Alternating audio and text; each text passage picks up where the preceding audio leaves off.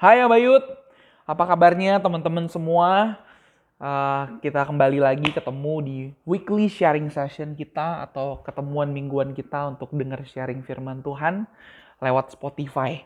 Walaupun teman-teman kita belum bisa ketemu secara langsung, gue sangat percaya kebenaran firman Tuhan yang kita dengar baik secara langsung di depan mata kita dengar orangnya ataupun lewat online, lewat rekaman punya kuasa yang sama teman-teman untuk mengubahkan hidup kita. Amin teman-teman. Ilustrasinya sama seperti teman-teman mendengar Kaongki nyanyi di depan uh, kita secara fisik dan mendengar Kaongki bernyanyi teman-teman lewat rekaman. Sama, sama-sama pusing. Demikian juga firman Tuhan, teman-teman. Sama-sama powerful, kuasanya tetap sama. Amin, teman-teman. Uh, yuk kita berdoa sama-sama sebelum kita uh, dengar kebenaran firman Tuhan hari ini. Bapak, terima kasih untuk kesempatan hari ini, Tuhan. Kami boleh dengar firman-Mu secara spesifik. Kami siapkan waktu untuk mendengar firman-Mu, Tuhan. Bapak, bahwa setiap kami bukan hanya orang-orang yang tahu, Tuhan tapi ketika kami dengar firman-Mu, biarkan ini juga jadi tanah hati yang terbaik yang kami siapkan. Sehingga firman-Mu boleh bertumbuh dan berbuah berkali-kali lipat. Mari Tuhan tegur setiap kami, bicara kepada setiap kami sesuai dengan kerelaan dan sesuai dengan kehendak-Mu. Terima kasih Tuhan. Di dalam nama Yesus, kami yang sudah berdoa sama-sama katakan, amin. Oke teman-teman.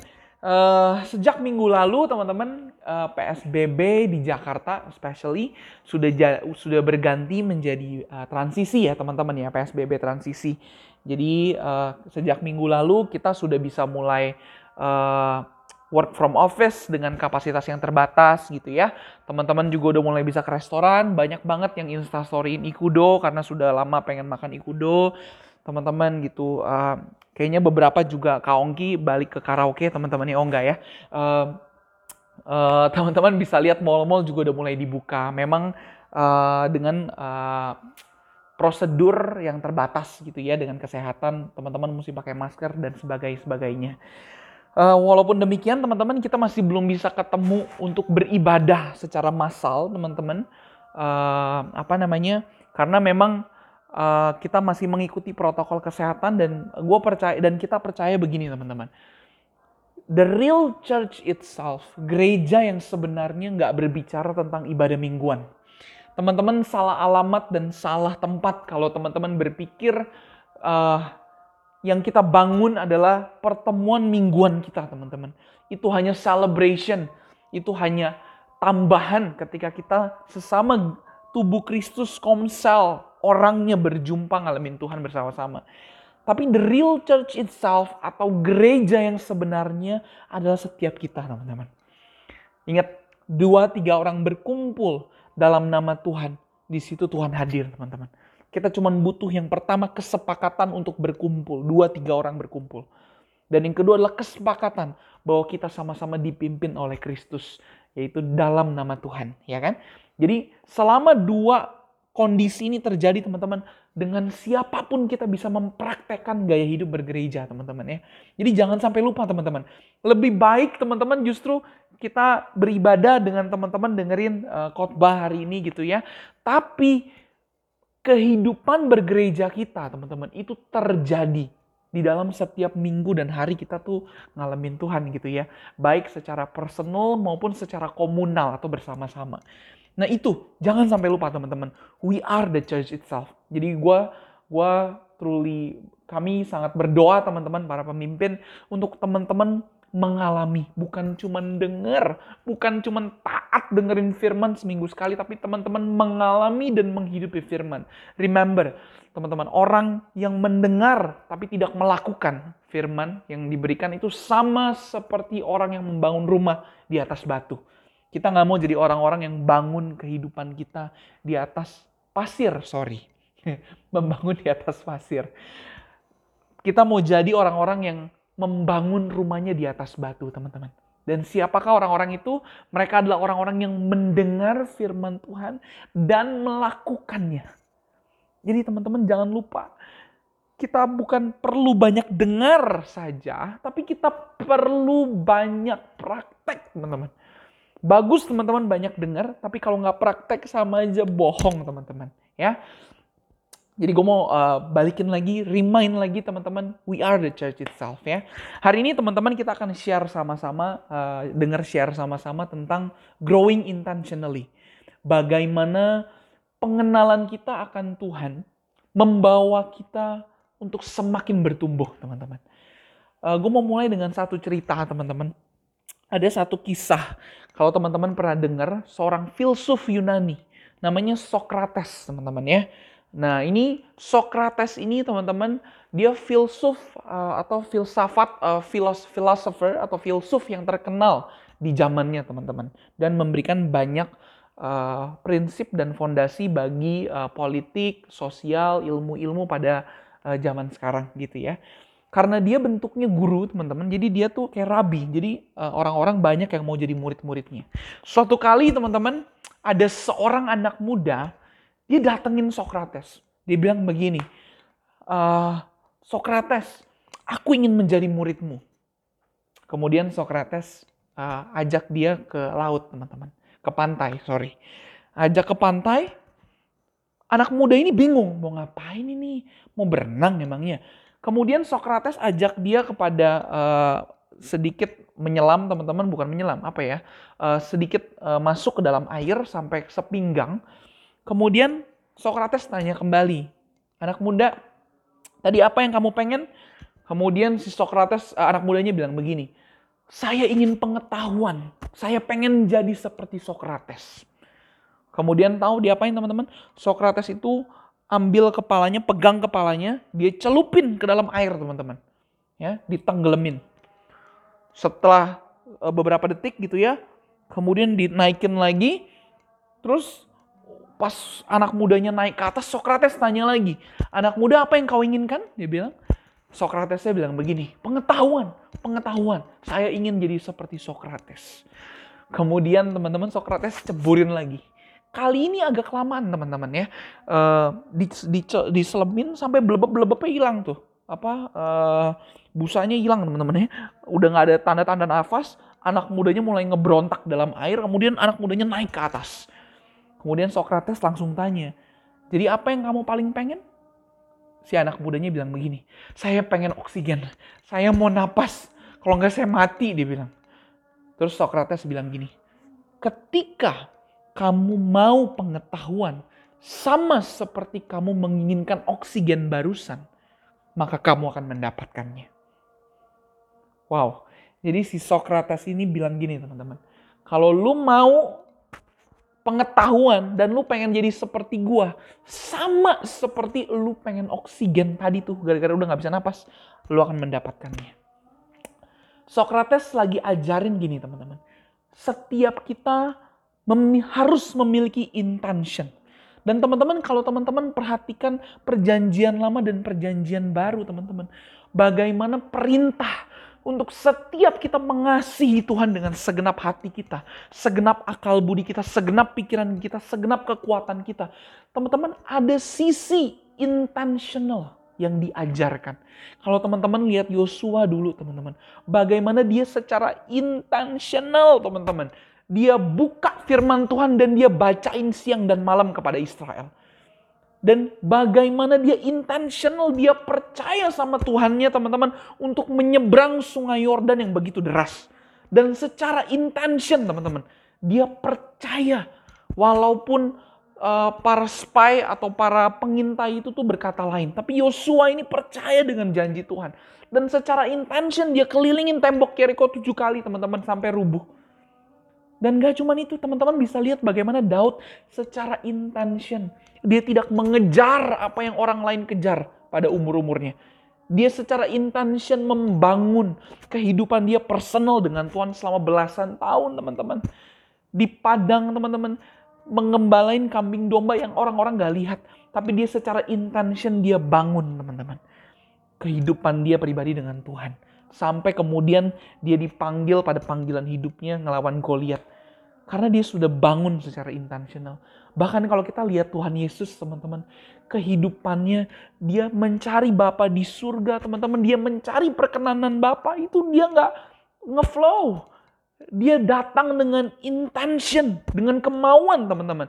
Dia dengan intention, dia bangun pagi-pagi, dia cari Bapa di surga waktu masih gelap.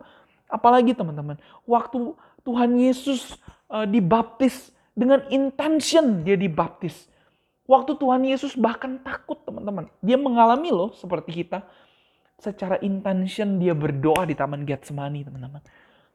Dalam kemanusiaannya Tuhan Yesus yang 100% Tuhan dan 100% manusia memiliki intention untuk mencari, mengenal Bapa dan melakukan kehendak Bapa teman-teman.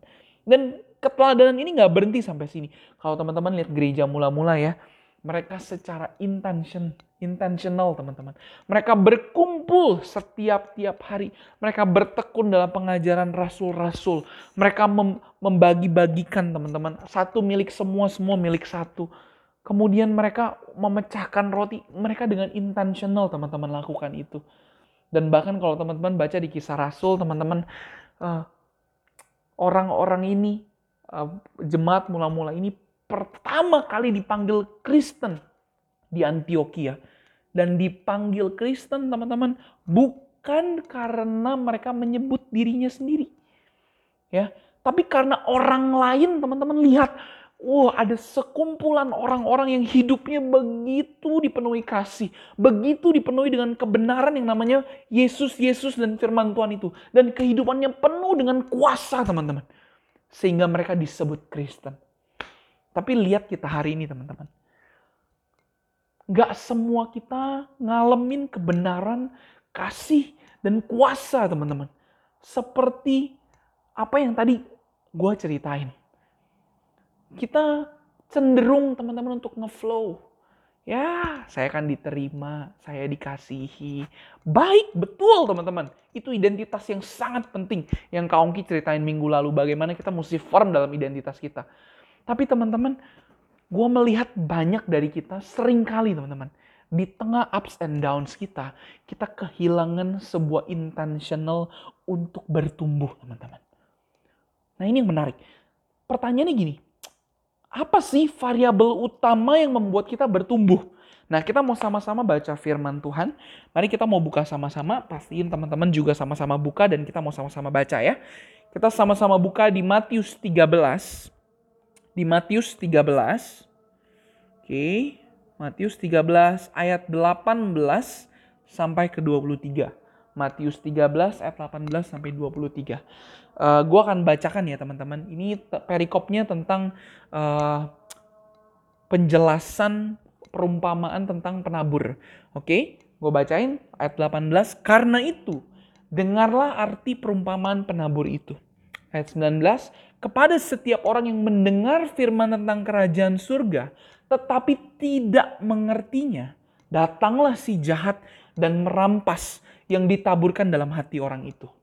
Itulah benih yang ditaburkan di pinggir jalan. Ayat 20, benih yang ditaburkan di tanah yang berbatu-batu, ialah orang yang mendengar firman itu dan segera menerimanya dengan gembira. Tetapi ia tidak berakar dan tahan sebentar saja. Apabila datang penindasan atau penganiayaan karena firman itu, orang itu pun segera murtad.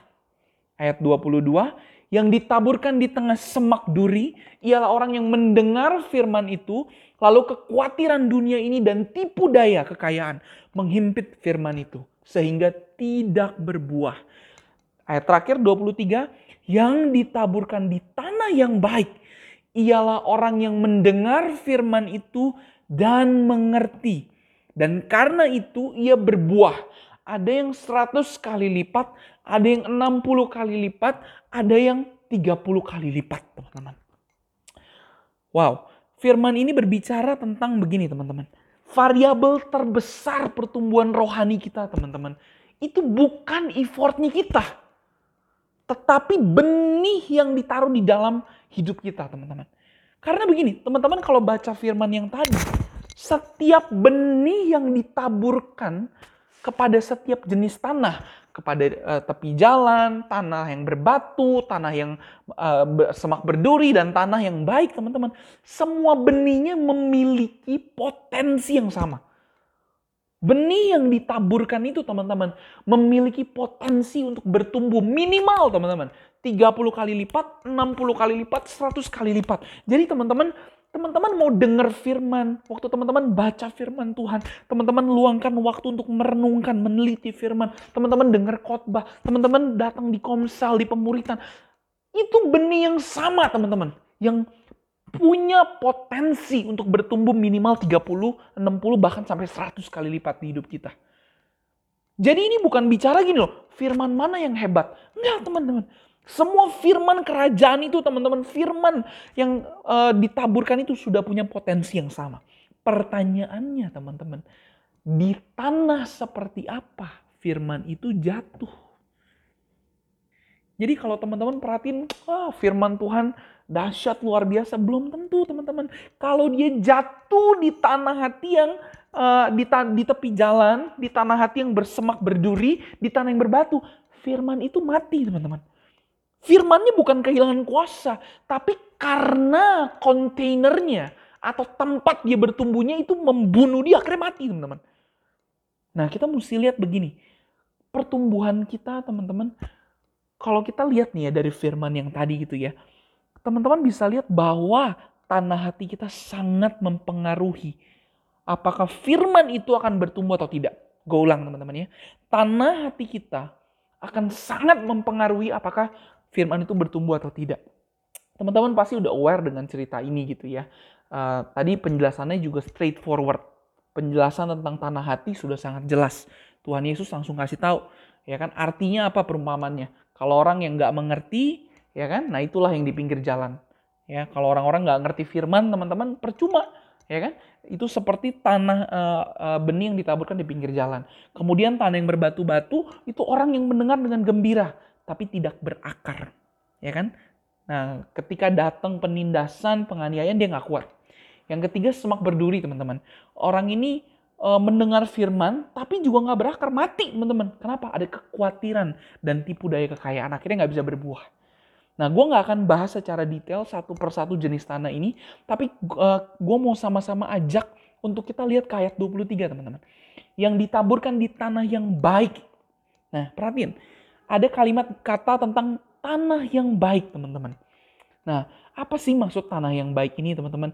Salah satu scholar, teman-teman, uh, namanya Albert Barnes, dia ceritain tentang uh, sejarah uh, di uh, konteks sejarah waktu ayat ini diberikan Tuhan Yesus. Jadi teman-teman kalau teman-teman belajar agriculture gitu ya, kalau kita mau tanam benih dan kita punya harapan bahwa benih itu akan berbuah, ada persiapan untuk mengubah tanah yang buruk menjadi tanah yang baik. Oke teman-teman? Dan pada zaman dulu teman-teman, tanah yang baik ini artinya ada tiga hal.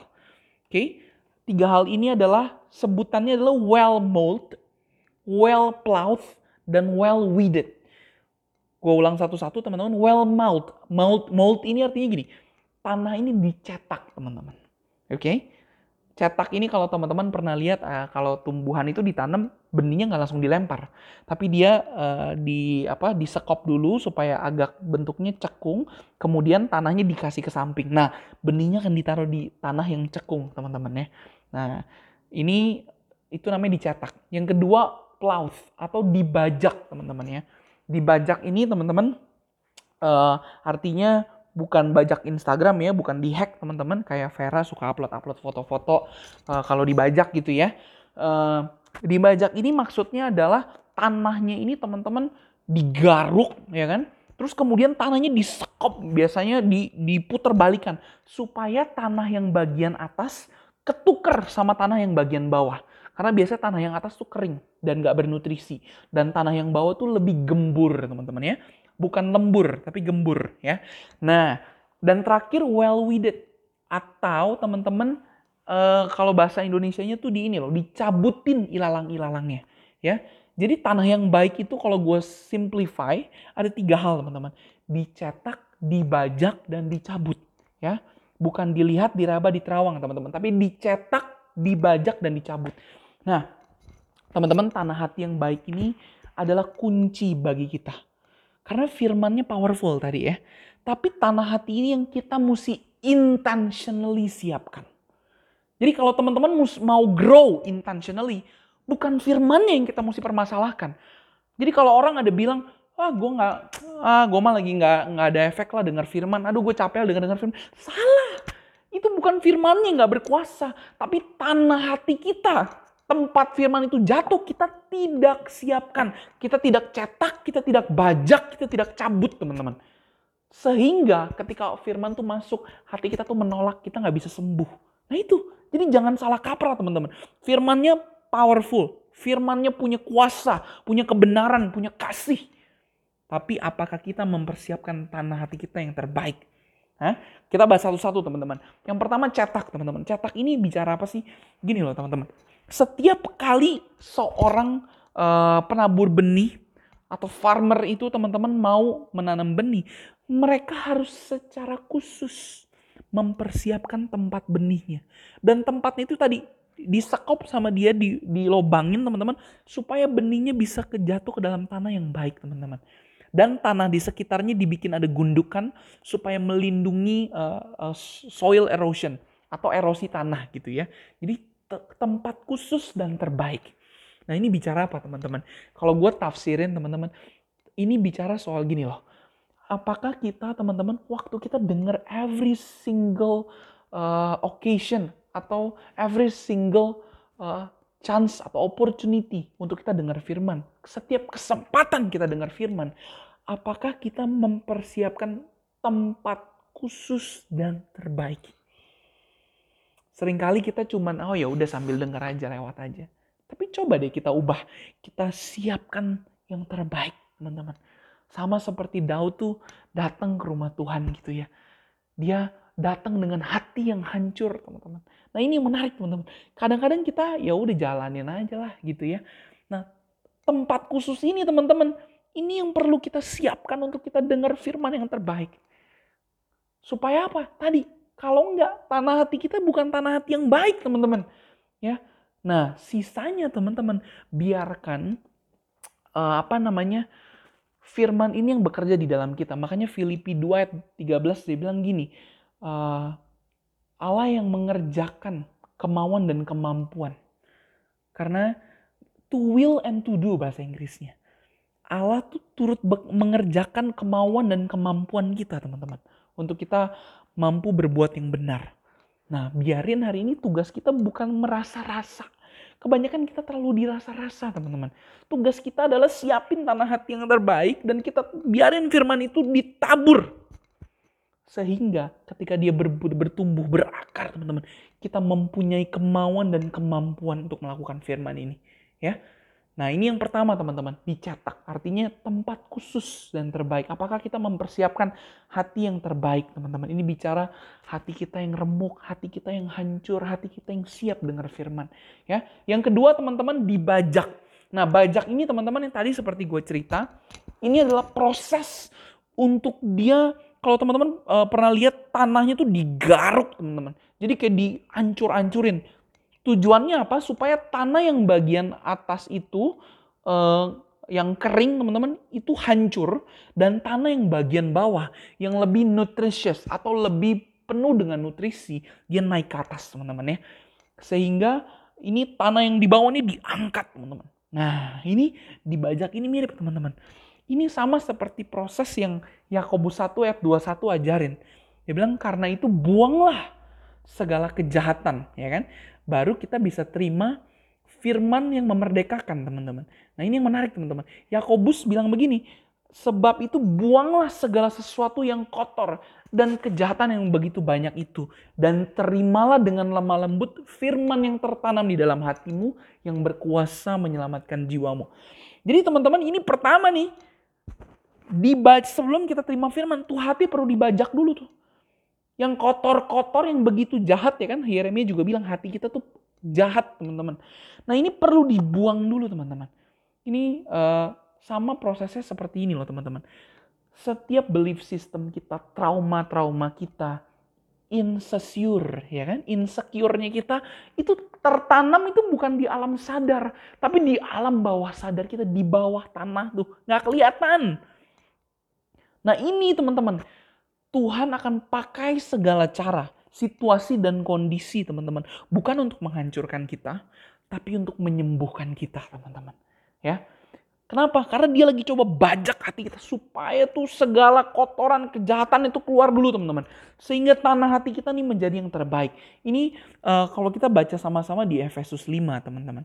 Kita baca sama-sama di Efesus 5. Efesus 5 ayat 11 sampai 13. Dia bilang gini, gue bacain buat teman-teman ya. Janganlah turut mengambil bagian dalam perbuatan-perbuatan kegelapan yang tidak berbuahkan apa-apa.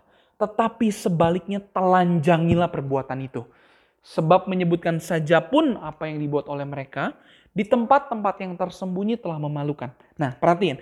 Tetapi segala sesuatu yang sudah ditelanjangi oleh terang itu menjadi nampak. Sebab semua yang nampak adalah terang. Jadi teman-teman, waktu Tuhan tuh lagi bawa ketidaksembuhan kita, belief system kita, cara pikir kita yang kelihatannya baik tapi belum tentu benar. Belum tentu sesuai firman Tuhan. Insecure, insecure-nya kita, luka-luka masa lalunya kita, pahitnya kita. Teman-teman, itu dia lagi bajak hati kita.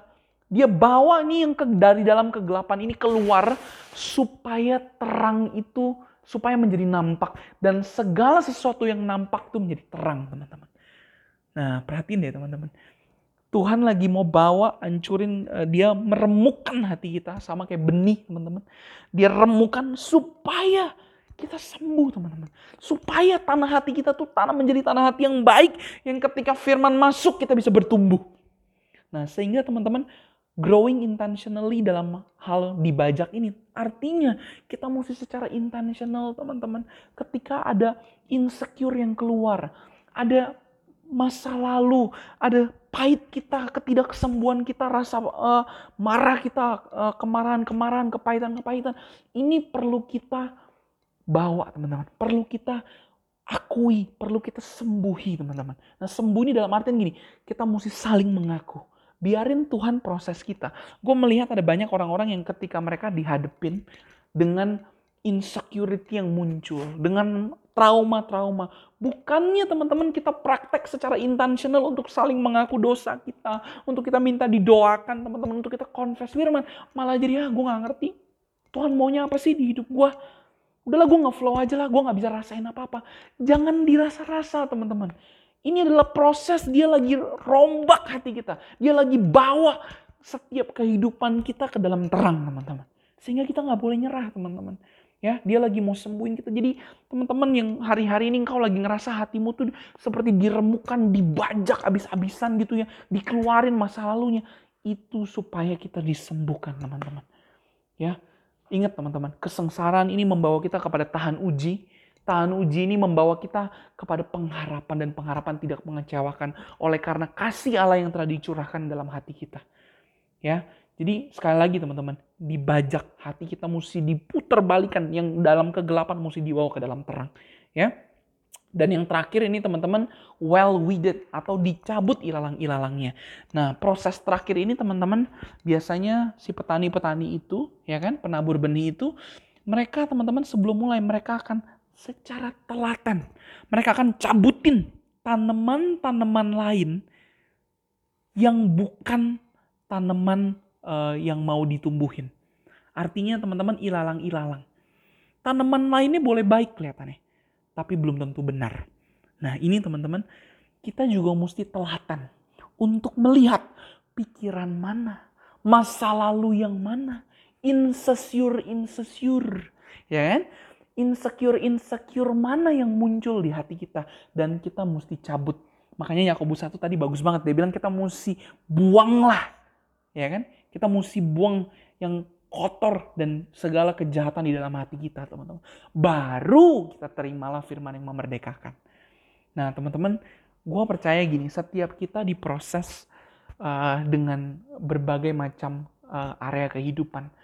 Teman-teman di teman-teman yang lagi berbisnis, yang lagi kerja, ngalamin layoff, ngalamin kekhawatiran, bisnisnya pusing, ya kan? Atau lagi bertumbuh, ya kan? Atau teman-teman yang lagi dalam relationship di keluarga masing-masing, masa lalu kita banyak teman-teman. Tapi gue mau kasih tau satu hal gini, semua proses yang Tuhan lagi kerjakan sekarang, kesengsaraan-kesengsaraan yang kita alamin, itu bukan untuk menghancurkan, bukan untuk menghancurkan kita. Bukan untuk membuat kita menjadi hopeless, bukan untuk membuat kita menjadi ngeflow aja lah. Jadi kecewa sama Tuhan, bukan teman-teman. Tapi proses itu untuk membuat tanah hati kita menjadi baik. Kita lagi mau disembuhkan. Dia lagi mau bawa yang gelap menjadi terang, teman-teman. Nah, pertanyaannya gini, bagaimana kita meresponinya? Bagaimana kita meresponi, teman-teman? Growing intentionally bukan bicara cari-cari firman yang bagus, pembicara yang bagus, bukan. Tapi growing intentionally, berbicara, kita berespon terhadap situasi yang mungkin gak ideal. Berespon untuk mempersiapkan tanah hati yang terbaik. Apakah kita teman-teman, gue uh, apa ketemu dengan beberapa orang gitu ya. Or, ada dua orang yang berbeda. Orang yang pertama ketika dia dihadapi dengan kesengsaraan, ada masalah dengan keluarganya, kalimat-kalimat yang keluar adalah gue kecewa sama Tuhan, gue nggak tahu mesti ngapain. Ah, gue jadi keluar semua trauma-trauma gue, gue nggak tahu berasa apa, gue bahkan nggak bisa ngerasain apa-apa. Gue setuju teman-teman. Karena memang di Roma 7 bilang kadang-kadang uh, kita tuh melakukan hal yang kita nggak mau lakukan. Dan hal yang mau kita lakukan, kita nggak lakukan. Gitu. Jadi seolah-olah kita tuh kayak ngelakuin dosa gitu ya. Kita kita maunya ngelakuin yang benar malah ngelakuin yang nggak benar gitu. Nah tapi teman-teman, gue ketemu juga dengan orang yang bahkan secara kondisi dan situasi, data dan fakta, kondisinya lebih parah. Ada di kondisi yang dia pekerjaan nggak ada pemasukan, ya kan? Terus dia sakit, dia mesti tanggung hidup orang. Tapi teman-teman, dia bisa ngalamin pertumbuhan yang luar biasa. Dan dia bisa sharing, gue tuh mengalami firman sederhana. Matius 6 ayat 33, Tuhan tuh pegang kehidupan saya. Saya mesti cari kerajaan Allah dan kebenarannya. Kalau masa depan saya itu semua udah ditanggung Tuhan, saya mesti percaya. Tapi yang on the other hand teman-teman, yang lain malah ngomong, nggak begitu parah kondisinya nggak separah orang yang barusan tapi udahlah gue nyerah aja lah gue capek lah kenapa teman-teman nah karena firman yang sama Matius 633 itu jatuhnya yang satu di tanah hati yang berbatu atau semak berduri yang satu teman-teman di tanah yang begitu baik sehingga hari ini teman-teman kita jangan pertanyakan kuasa firman kalau teman-teman masih ada di kondisi gue gak percaya firman, ya gue rasanya begini. Percayalah, itu pikiran kita yang salah. Artinya kita belum memiliki pikiran untuk kita submit 100% kepada kedaulatan Tuhan. Gue gak bilang perasaannya, karena gue sangat mengerti perasaan kita bisa uh, campur aduk, perasaan kita bisa ups and downs. Gue sangat mengerti teman-teman. Tapi kita mesti punya secara intentional. Kita percaya kepada Tuhan dengan segenap hati kita teman-teman. Kita percaya dengan firman Tuhan, tidak mengandalkan kekuatan kita sendiri, tidak bersandar kepada pengertian kita sendiri, tapi kita begitu percaya kepada firman-Nya, teman-teman. Itu itu bicara tentang firman Tuhan, ya. Jadi kita mesti punya hati yang begitu percaya teman-teman dan more dan more than that teman-teman kita mesti siapkan tanah hati kita. Gue berdoa uh, kita sama-sama punya hati yang sama-sama mau growing intentionally dengan kita mempersiapkan hati kita yang terbaik dengan kita cetak bajak dan cabut teman-teman kita cetak kita siapkan tempat khusus hati yang remuk untuk firman Tuhan tuh bisa mempengaruhi hidup kita kita bajak artinya apa kita jungkir balikin yang gelap kita bawa kepada terang kita buang segala kejahatan di hati kita ngaku dosa minta didoakan itu udah menjadi uh, in, kita lakukan secara intentional sekalipun perasaannya nggak pengen ya. Yang terakhir kita cabut teman-teman. Kita mesti aware mana pikiran-pikiran yang bukan Kristus. Kalau kita udah mulai berpikir, aduh Tuhan nggak nggak nggak sayang sama hidup Nah, pikiran itu bukan pikiran Kristus. Kita mesti cabut buang teman-teman.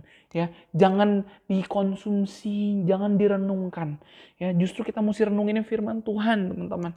Jadi teman-teman uh, mari kita teman-teman ngadepin apa pun gue sangat percaya Tuhan uh, sudah memberikan kemauan dan kemampuan Filipi 2 ayat 13 untuk kita sanggup lewatin ini.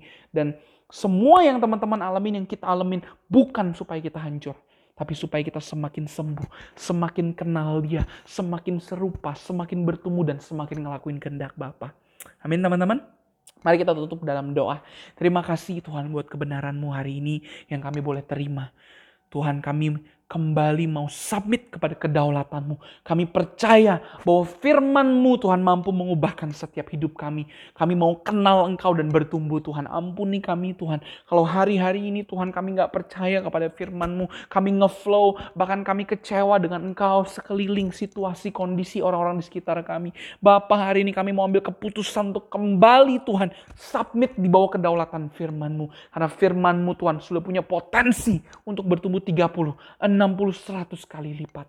Bawa setiap kami Tuhan untuk kami mencetak, membajak, dan mencabut setiap hal-hal yang gak benar dalam hati kami. Menjadi tanah hati yang terbaik untuk firman-Mu bisa bertumbuh. Terima kasih Tuhan. Ini bukan ego kami Tuhan. Bawa kami semakin serupa, kenal Engkau dan bertumbuh. Dalam nama Yesus buat siap teman-teman yang sudah dengar firman Tuhan dan siap untuk praktek. Sama-sama katakan, amin.